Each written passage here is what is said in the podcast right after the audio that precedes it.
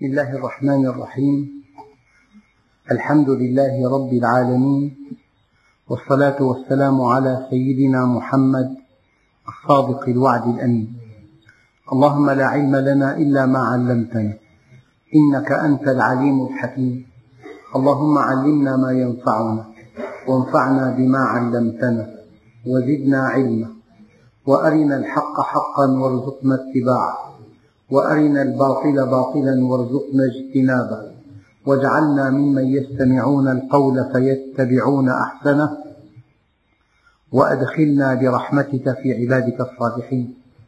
أيها الإخوة الكرام مع الدرس الحادي عشر من دروس سورة المائدة ومع الآية الحادية عشرة وهي قوله تعالى يا أيها الذين آمنوا اذكروا نعمة الله عليكم إذ هم قوم أن يبسطوا إليكم أيديهم فكف أيديهم عنكم واتقوا الله وعلى الله فليتوكل المؤمنون. أيها الإخوة من خصائص النفس البشرية أنها جبلت على حب من أحسن إليها فهناك تلازم حتمي بين رؤية النعمة وبين محبة المنعم. شيء قطعي. إلا أن الإنسان قد ينسى النعم. الإنسان أحيانا يبحث عن الشيء الذي ينقصه فإذا هو في هم وحزن وأحيانا سقط وأحيانا يبلغ درجة النقمة وهو مغمور بالنعم ولأن هذا الدين أساسه محبة الله. هذا الدين محبة الله أساسية في العبادة لأن من أدق تعريفات العبادة طاعة طوعية ممزوجة بمحبة قلبية. ما عبد الله من أطاعه ولم يحبه كما أنه ما عبد الله من أحبه ولم يطعه. لا بد من طاعة طوعية وليست قسرية. وأن تكون هذه الطاعة الطوعية ممزوجة بمحبة قلبية. فمن أجل أن تحب الله ينبغي أن ترى نعمه. والإنسان نساء قد ينسى قد يكون متزوج والزواج نعمة وقد يكون سليم الأعضاء والسلامة نعمة وقد يكون يعني يملك عقل راجح والعقل نعمة وقد يكون عنده أولاد نجباء والأولاد نعمة. لكن بعض مشكلات الحياة تصرفه عن شكر الله. فلذلك البطولة أن ترى ما عندك فالذي عندك كبير. وإذا أردنا أن نعدد النعم فالنعم لا تعد ولا تحصى. بل إن النعمة الواحدة لا يمكن أن نستقصي خيراتها. طوال الحياة. من هنا جاء قوله تعالى يا أيها الذين آمنوا اذكروا نعمة يعني أية نعمة أنعم الله بها عليك؟ هذه ينبغي أن تملأ قلبك محبة له.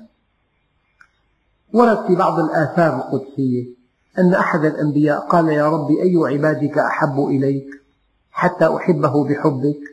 قال أحب عبادي إلي تقي القلب نقي اليدين لا يمشي إلى أحد بسوء أحبني وأحب من أحبني وحببني إلى خلقه. ينبغي أن تحب الله وينبغي أن تحب من يحب الله. أحبني وأحب من أحبني وحببني إلى خلقه. فقال يا رب إنك تعلم أني أحبك وأحب من يحبك فكيف أحببك إلى خلقي؟ قال ذكرهم بنعمائي وآلائي وبلائي. النعماء تدعوك إلى محبة الله والبلاء يدعوك إلى الخوف منه والآلاء تدعوك إلى تعظيمه. لا بد من أن تعظمه لأن الذي هو في النار يخبر الله عنه إنه كان لا يؤمن بالله العظيم. ينبغي أن تعظمه وينبغي أن تحبه وينبغي أن تخاف منه. مشاعر ثلاثة ينبغي أن تكون مستقرة في قلب المؤمن. فالله عز وجل يأمرنا وكل أمر يقتضي الوجوب. اذكروا نعمة الله عليه. يعني أنت ما لك ملاحق أليست هذه نعمة؟ أنك حر. ما في عندك فضيحة بالبيت أيام إنسان يستدعى إلى القسم قسم الشرطة ليسلم ابنته الزانية مثلا. ما الذي يحصل لهذا الأب؟ عندك بنات شريفات مصونات عندك أولاد لهم سمعة طيبة. لك زوجة ترضيك وترضي الله عز وجل.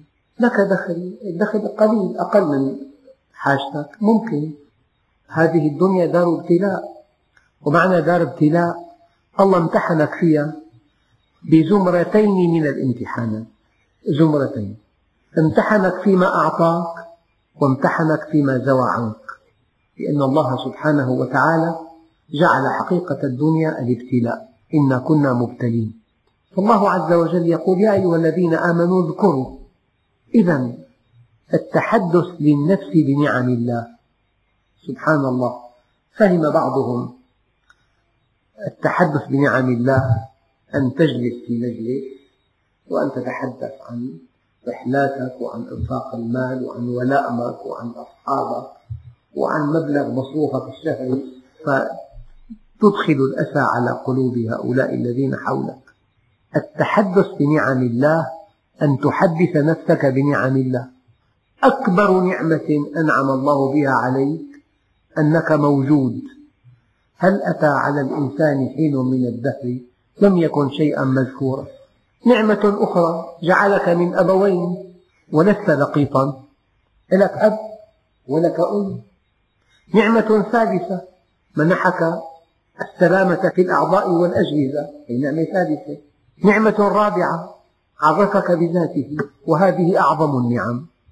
النعم إذا صنفت يقع على رأسها معرفة الله عز وجل. يعني أنت في بحياتك حلال وفي حرام في شيء مسموح شيء ممنوع. في عندك مجموعة قيم تنتظم سلوكك. هؤلاء الذين يديرون بيوت الدعارة في عندهم قيم هذه؟ يلي يبنون رزقهم على إفساد الآخرين. يبنون حياتهم على موت الآخرين. يبنون أمنهم على خوف الآخرين. يبنون عزهم على إذلال الآخرين. كنت أقول دائما يعني في آخر الزمان إن لم تكن طرفا في مؤامرة قذرة لإفقار المسلمين أو لإضلالهم أو لإذلالهم أو لإفسادهم فأنت في نعمة لا تقدر بثمن. تنام مساء مرتاح البال لست سببا في شقاء إنسان. أنا أذكركم بالنعم السلبية. يعني قبل أن تكون غنيا قبل أن تكون قويا ما دمت لست سببا في شقاء الخلق فهذه نعمة كبرى. لك نسب واضح لك أم وأب تتمتع بصحة لك مأوى تؤوي إليه لك زوجة تحصنك عن أن تتطلع إلى ما عند الآخرين لك أولاد يملؤون البيت بهجة وسرورا. هذه كلها من نعم الله. وقد وعدنا الله عز وجل أن لئن شكرتم لأزيدنكم. الشكر يحصن النعمة. الشكر يحصن النعمة. بل إن علة خلقك في الدنيا أن تعرفه وأن تشكره. بدليل قول الله عز وجل ما يفعل الله بعذابكم إن شكرتم وآمنتم. ينبغي أن تشكره بعد أن تعرفه. فحينما تتعرف إليه وحينما تشكره تحقق الهدف من وجودك. يا أيها الذين آمنوا اذكروا نعمة الله عليكم. نعمة الإيجاد نعمة الإمداد نعمة الهدى والرشاد. نعمة أنه أسمعك الحق. لو ذهبت إلى بلاد بعيدة شرقا وغربا ما في زواج. ولا في عقد مدني ولا في عقد بالكنيسة. تعايش يعاملها كزوجة وفي أي لحظة يركلها بقدمه هكذا يعيش الغرب والشرق. أنت لك زوجة في عقد شرعي. أنت تشعر أنك تحت غطاء الله عز وجل. ولك أولاد نسبهم معروف. أنا أذكر بالنعم التي نتمتع بها والتي لا تقدر بثمن. في بحياة المسلمين شيء اسمه حرام شيء اسمه حلال شيء اسمه مكروه شيء اسمه واجب شيء اسمه مستحب. في أشياء كثيرة يعني الخيرات التي ينعم الله بها على المسلمين المتمسكين بدينهم. أما هؤلاء الذين لم يتمسكوا هؤلاء خسروا الدنيا والآخرة. لهم مع أهل الكفر بقوتهم واستمتاعهم بالحياة كما يحبون ولا هم مع أهل الإيمان بتطلعهم إلى جنة عرضها السماوات والأرض وهم راضون عن الله عز وجل. لا مع هؤلاء ولا مع هؤلاء. أيها الإخوة لكن يجب أن تعلم علم اليقين أن نعمة الهدى لا تعدلها نعمة. وتأكد أن نعمة الهدى تشبه رقم واحد. فإذا كنت صحيحا فأمام هذا الواحد صفر وإذا كنت منعما عليك بقدرات معينة مهنية أو عقلية هذه نعمة ثانية. الصحة نعمة القدرات العقلية نعمة الزوجة نعمة الأولاد نعمة كلها أصفار لكن لو سحبت هذا الواحد من هذا الرقم ماذا بقي من هذا الرقم؟ أصفار فلذلك قالوا تمام النعمة الهدى. والإمام علي كرم الله وجهه. يرى أنه من أولى النعم بالشكر هدايتك إلى الله عز وجل. يأتي بعدها بعد الصحة بعدها الكفاية. فإذا أصبح أحدكم آمنا في سربه معافى في جسمه عنده قوت يومه فكأنما حيزت له الدنيا بحذافيرها. يعني مطمئن إلى الله عز وجل. مطمئن إلى مصيره مع الله. قل لا يصيبنا إلا ما كتب الله لنا. أسبغ الله عليه بنعمة الأمن. الأمن خاص بالمؤمنين. فأي الفريقين أحق بالأمن. إن كنتم تعلمون. الذين آمنوا ولم يلبسوا إيمانهم بظلم. أولئك لهم الأمن وهم مهتدون. الآن ربنا عز وجل في آيات أخرى يقول وذكرهم بأيام الله. أيام الله الأيام العصيبة التي لاح لك فيها شبح مصيبة كبيرة ثم نجاك الله منها بقدرة قادر. هذا يوم ينبغي ألا تنساه. وذكرهم بأيام الله. ما في واحد من المؤمنين إلا وله مع الله أيام. بامتحان بتهمة هو بريء منها بعقدة بعمله بعقدة بزوجته بصحة زوجته بمرض داهم أحد أولاده ثم شفاه الله عز وجل. هذه الأيام ينبغي أن تذكرها وذكرهم بأيام الله. يبدو أن تذكر النعم من العبادة تذكر النعم من العبادة والإنسان حينما يذكر الإيجابيات تصغر السلبيات. أذكر مرة أنه جاءني أخ يزمع أن يطلق زوجته. أنا استدرجت إلى ميزاتها دون أن يشعر. قلت له كلمة قاسية لعلها تكون قال لي معاذ الله إنسانة شريفة لعلها لا تحسن الطهي. قال لي ولا طبخة ممتازة لعلها ليست نظيفة. أي لا والله نظيفة. دون أن يشعر ذكر أنها شريفة وأنها نظيفة وأنها طباخة ماهرة وأنها أم أولاده ثم استحيا أن يتابع الموضوع واستأذن وانصرف. كان غافل عن هذه النعم. كل بطولتك أن ترى الإيجابيات والسلبيات معا. هذا الذي يرى السلبيات شيطان. لما التقى النبي عليه الصلاة والسلام بصهره بين الأسرى ما معنى أن يكون صهره بين الأسرى يعني كان مشارك في معركة. صهر إذا إنسان شارك في معركة ماذا ينتظر أن يقتل؟ أليس كذلك؟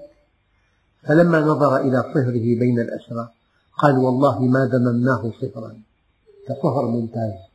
أرأيت إلى الإنصاف؟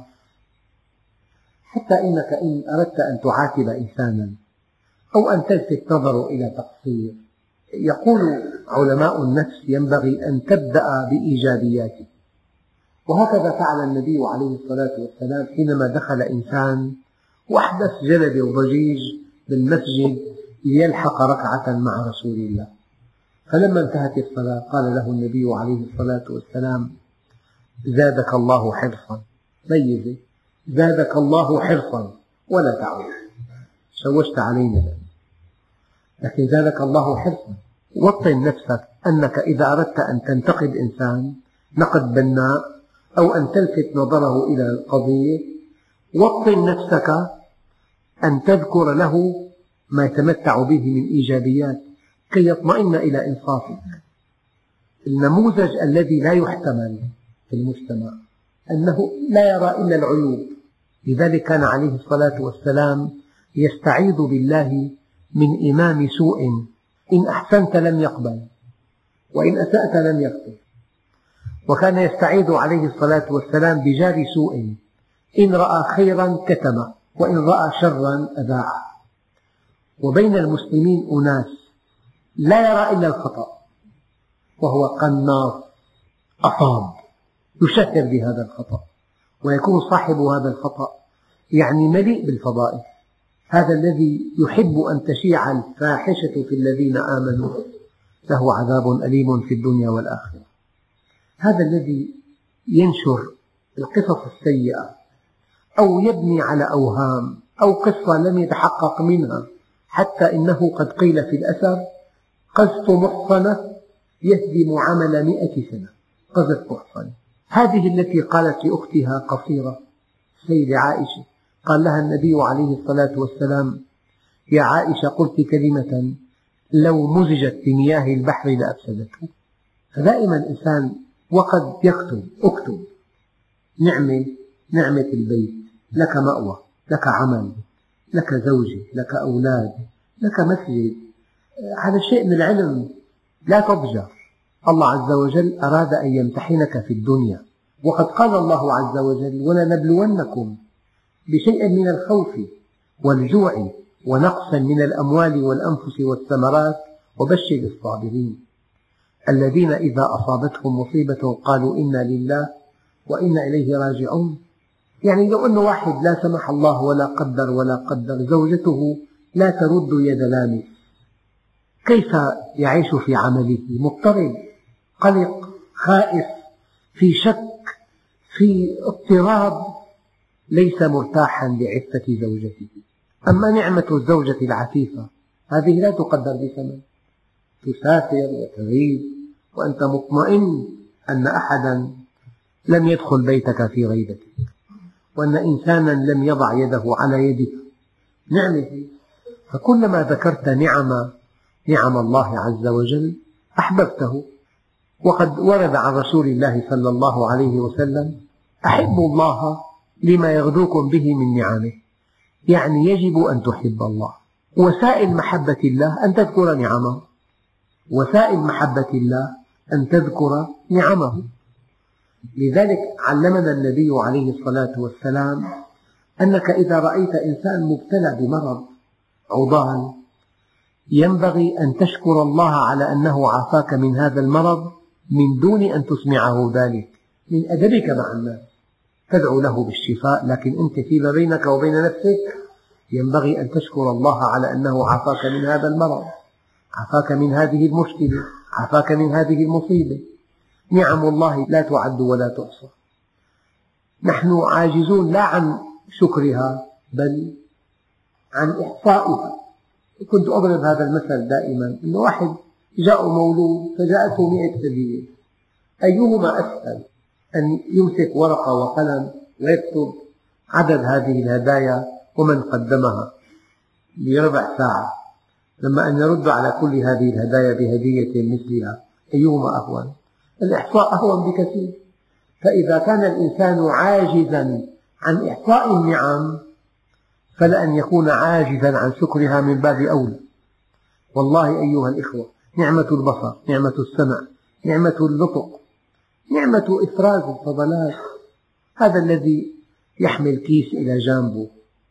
ثمنه مبلغ كبير بده يبدله كل فترة ولا يعرف متى خرج هذا الغائط منه أو لا يعرف. أناس كثيرون معهم هذا المرض. إنسان يضطر أن يغسل كليتيه كل أسبوع ست مرات. وكل مرة ستة آلاف أربعة آلاف وكل مرة أربع خمس ساعات. كليتات تعملان بانتظام. فهذه نعم النبي علمنا أدعية كثيرة. لما كان يستيقظ الحمد لله الذي عافاني في بدني. الحمد لله. وأذن لي بذكره. في إنسان يأتي إلى البيت بعد الفجر بس من الملهى لا من المسجد. شتان بين أن تأتي البيت بعد الفجر من المسجد وبين أن تأتيه من الملهى أليس كذلك؟ أيها الإخوة يا أيها الذين آمنوا اذكروا نعمة الله عليكم. كن مع الله بنعمه. أخواننا الكرام الفرق الكبير الكبير الجوهري بين المؤمن وبين الكافر أن الكافر مع النعمة لكن المؤمن مع المنعم. المؤمن خرق النعمة إلى المنعم. فإذا كان في بحبوحة يرى فضل الله عليه. إذا كان في أمن يرى فضل الله عليه إذا كان في صحة يرى فضل الله عليه إذا كان له زوجة يرى فضل الله عليه له أولاد يرى فضل الله عليه هذه النعم إذا شكرت حصنت وإذا كفرت أتلفت حتى إن الله عز وجل إذا أنعم على عبد نعمة وبخل بها عن الناس حولها إلى غيره. يقرهم فيها ما بذلوها فإن منعوها أهلها صرفها عنهم. يعني بروي قصة قديمة بيت من بيوت دمشق العريقة فيها شجرة ليمون تنتج في العام 400 حبة أو أكثر. كل أهل الحي كلما احتاجوا إلى حبة ليمون يطرقون الباب فيها في بها البيت إنسانة دينة صالحة كبيرة بالسن. فكلما سئلت عن حبة ليمون قدمت للسائل هذه الحبة. توفيت عندها زوجة ابن شابة رعناء طرق الباب فطردت السائل والثاني طردته. العام الثاني هذه الشجرة يبست هذا قيسوا عليها كل شيء. قيسوا على هي كل شيء. تبذل الله بمدك. تمنع فضلك الله بحرمك. بل إذا أراد الله إظهار فضله عليك خلق الفضل ونسبه إليك. الله يحب أن يكون الخير على يديك. بدليل قوله تعالى ولو شاء ربك لانتصر منهم. يا الله قادر ما يخلي كافر. بس قال لك يعني يا عبدي أحبك أن تقوم أنت كي أجري على يديك هذا النصر. ولو شاء ربك لانتصر منهم ولكن ليبلو بعضكم ببعض.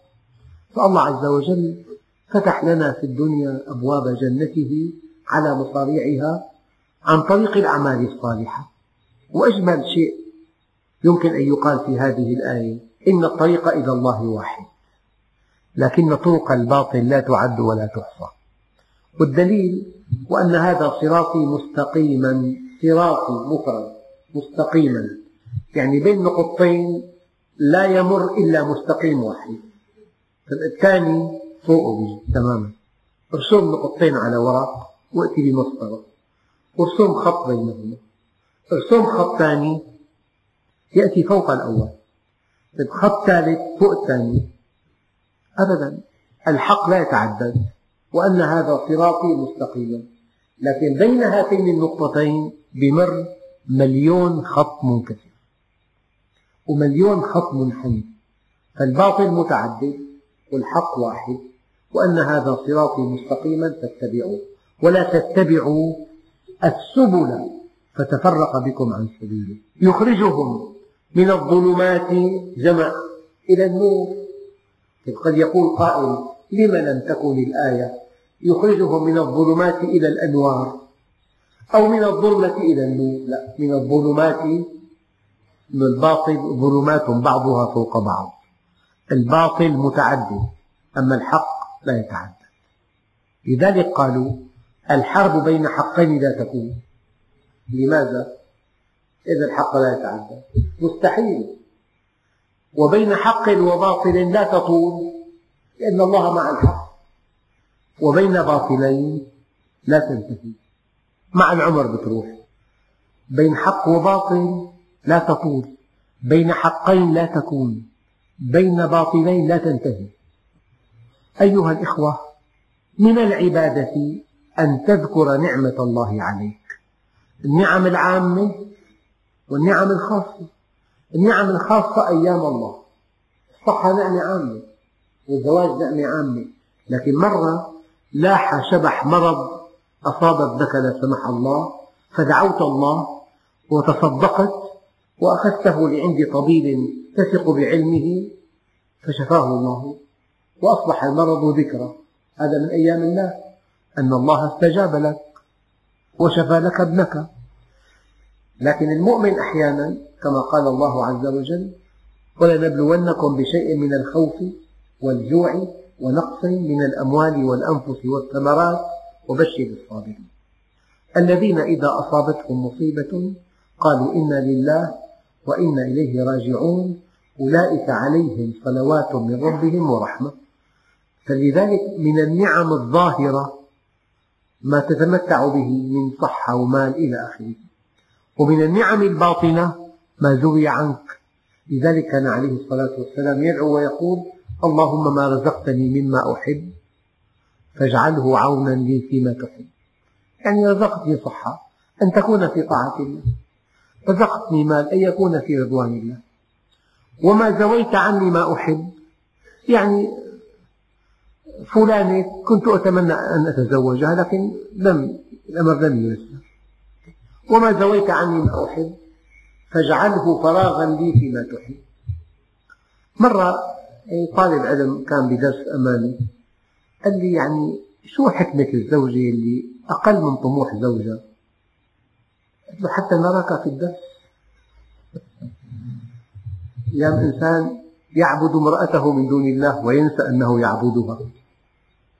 فلحكمة بالغة كانت هذه زوجته ارضى بها.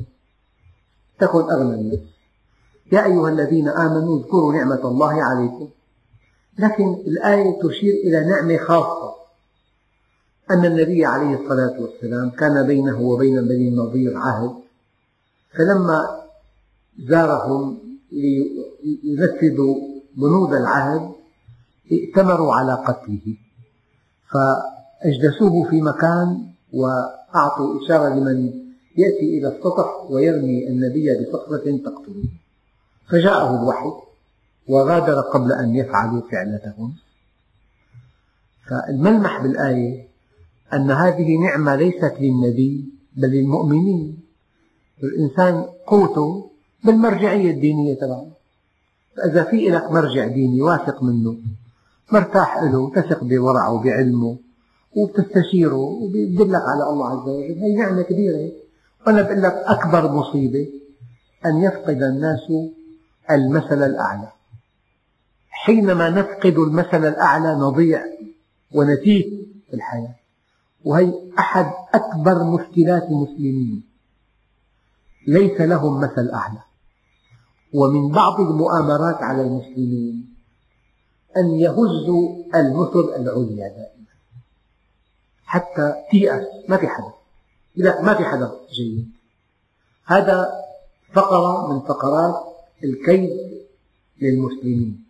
أن تهتز عندك المثل العليا. يعني مثلا أنت لك قريب بجامع ومستقيم وسمته حسن وصالح وله أعمال طيبة. لا يرضي الله أن تهز له مثله الأعلى. أبدا. ما دام التزم بها المسجد وهو يمشي بشكل صحيح يغلب عليه الصلاح والتستر عقيدته سليمة يؤدي الفرائض تماما لا يأكل مال حرام. من الخطأ الكبير أن تهز له مثله الأعلى. بطل يأتي بإنسان من ملهى إلى المسجد. لا من جامع إلى جامع. إذا كنت بطل من ملهى لمسجد واحد عاصي للمسجد. تارك صلاة المسجد. أما أذهب إلى جامع آخر لأفسد هذا الطالب على شيخه. ما مو فهمان شيخك هذا سلوك غير مقبول. إلا إذا كان في انحراف في العقيدة خطير موضوع ثاني هذا. إذا في انحراف خطير هي نصيحة. أما يغلب على هذا المسجد الصلاح والتستر ما في مشكلة كبيرة في العقيدة ولا في مشكلة كبيرة. فالأولى أن الإنسان يكون أداة جمع لا أداة تفريق. نعم. يا أيها الذين آمنوا اذكروا نعمة الله عليكم إذ هم قوم أن يبسطوا إليكم أيديهم فكف أيديهم عنكم واتقوا الله وعلى الله فليتوكل المؤمنون. قالا ربنا إننا نخاف أن يفرط علينا أو أن يطغى قال لا تخافا إنني معكما أسمع وأرى واتقوا الله وعلى الله فليتوكل المؤمنون إذا كان الله معك فمن عليك وإذا كان عليك فمن معك. ويا رب ماذا فقد من وجدك وماذا وجد من فقدك. والحمد لله رب العالمين. بسم الله الرحمن الرحيم. الحمد لله رب العالمين. والصلاة والسلام على سيدنا محمد الصادق الوعد الأمين. اللهم أعطنا ولا تحرمنا أكرمنا ولا تهنا آثرنا ولا تؤثر علينا أرضنا وارض عنا. وصلى الله على سيدنا محمد النبي الأمي وعلى آله وصحبه وسلم. والحمد لله رب العالمين الفاتح.